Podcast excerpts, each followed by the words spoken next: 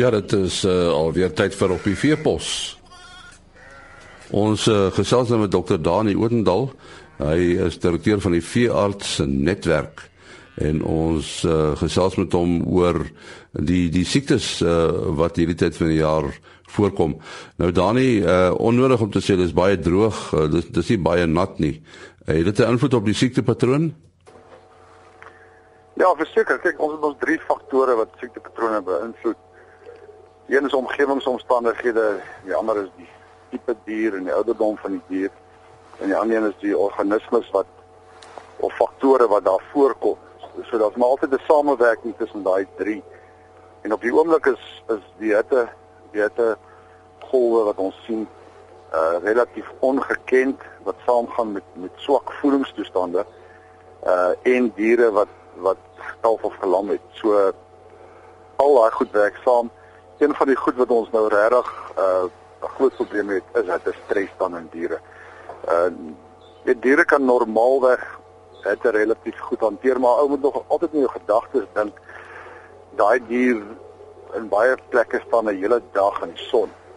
Uh ons het nou gesien met skape spesifiek uh waar daar probleme ondervind was waar skape behandel is uh met inspuitbare produkte of opgietprodukte uh die gemeenskaplike faktor wat die probleem veroorsaak het is diere wat aangejaag is wat vir 2 3 ure in 'n kraal staan en dan behandel word.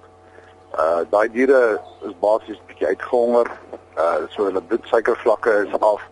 Hulle is relatief ontwater en dan behandel ons hulle met in daai hitte van die dag. En dit is een ding wat totaal en al vermy moet word. As ons wil behandel moet diere liewer oornag ingebring word, goeie kos en water gegee word en baie vroeg in die oggend behandel word as hy onder die omstandighede ehm um, wil behandel. Want ons sien met skape met 'n baie goeie aanpassing. Hulle begin dadelik hyg, so hyg asemhaling sodra die temperatuur selfs oor 25 gaan, dan het hulle die vinnige vlak asemhaling. En as boere wil kyk of skape onder hitte stres is, dan sal hulle sien daai vinnige vlak asemhaling wat normaal is uh want dis hoe skape afkoel verander na 'n diep hyg asemhaling. Stadiger en diep en die skaap se bek is oop.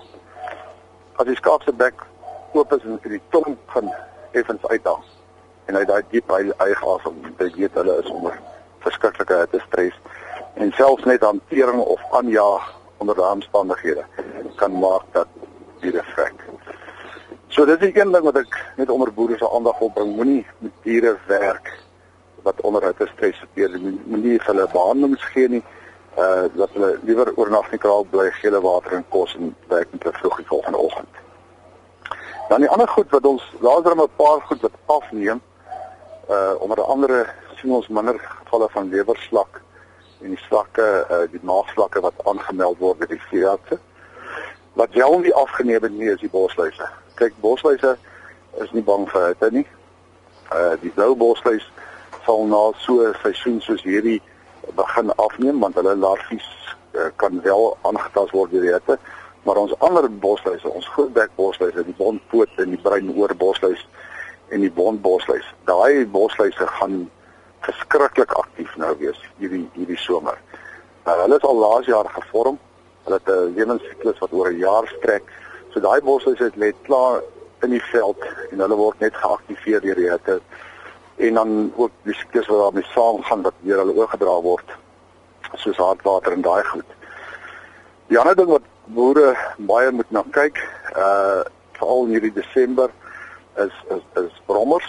Ehm uh, jy weet ons het plekke waar daar diere gevek het en dis die ideale plek, daai karkasse waar brommers gaan hulle eiers lê en baie verbeter. So dis maar baie bedag op brommers. Uh daar is deesdae uh, voorkomende behandelings wat vir jou maklik uh 6 weke se nawerking gee as dit nodig is veral as jy weggaan uh oor Desember. Uh wekkers op om baie baie nou te kyk sodra skaap homself begin byt sodra hy kruiworig word ongemaklik gaan kyk of daar nie brommer besmetting is nie. En die ander siekte wat dan ook saam met karkasse in die veld gaan wat dood lê, ehm um, is lamsiekte. So lamsiekte is, is 'n Clostridium wat in daai karkasse groei. Hy vorm sy gifstof klaar en as die beeste dan dan vreet en daai bene en goed word hy direk opgeneem en gaan direk in die sirkulasie en so daar moet 'n beskerm die immuniteit wees so die lamsiekte uh in intens wat ons so 'n jaar doen moet op datum wees in hierdie situasie. Ons uh rondewurms het relatief afgeneem. Uh want daar kan nie regtig oordrag plaasvind as daar nie vog is nie. Hulle kan nie uitbroei nie, mis nie, hulle kan nie kan nie gras opkruip om vir die beeste te of die skape te wag nie. So dit het afgeneem behalwe waar daar besproeiing toegepas word. Sodra jy vog bybring met hierdie hitte, sal onder daai omstandighede sal daar weer oormatige uh rondewurms wees. En dan gaan ons selfs in hierdie somermaande jongontsteking sien. En en die rede daarvoor is uh dis nie net koue wat nodig is vir longontsteking nie, stowwerige wind toestande en dan veral hierdie dae wat wat sommer 35 raak en dan vinnig kom daar 'n koue front verby waar die temperatuur val na 22 toe. Uh, daai daai omstandighede, daai uh uh nie stabiele omstandighede kan enige tyd longontsteking veroorsaak. So ou moet weer eens die werkers moet baie mooi kyk as hulle sien die beeste hoes as hulle nie nie vir die diere se koers. As dit net die boonste respiratoriese wee is wat ontsteek is, uh dan weet jy dit. As dit enigstens afgesak het na die longe toe, sal daar koers van 40 en, en meer wees.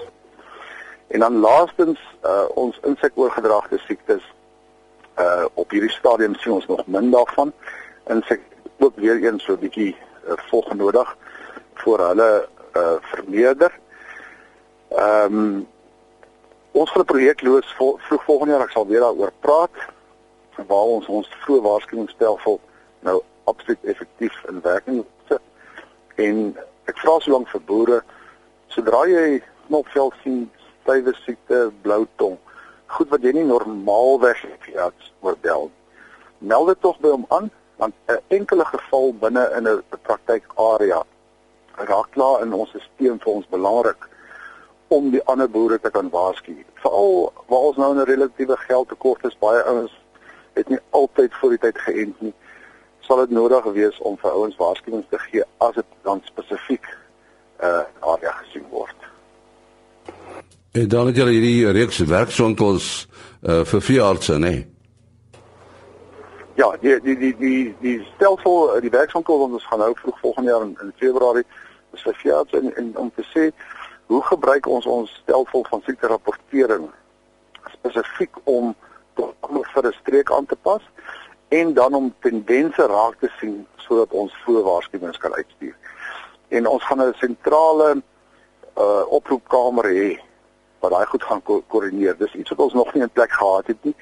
Uh elke veearts moet maar sy eie ding doen en ons gaan 'n sentrale amper amper sê operasionele kamer hê wat gaan seker maak dat hierdie goed en hierdie boodskappe gekoördineer uitgaan na die uh veeboere toe. Uh, hoe gaan dit met die siekte rapportering? Neem die ouens daaraan deel?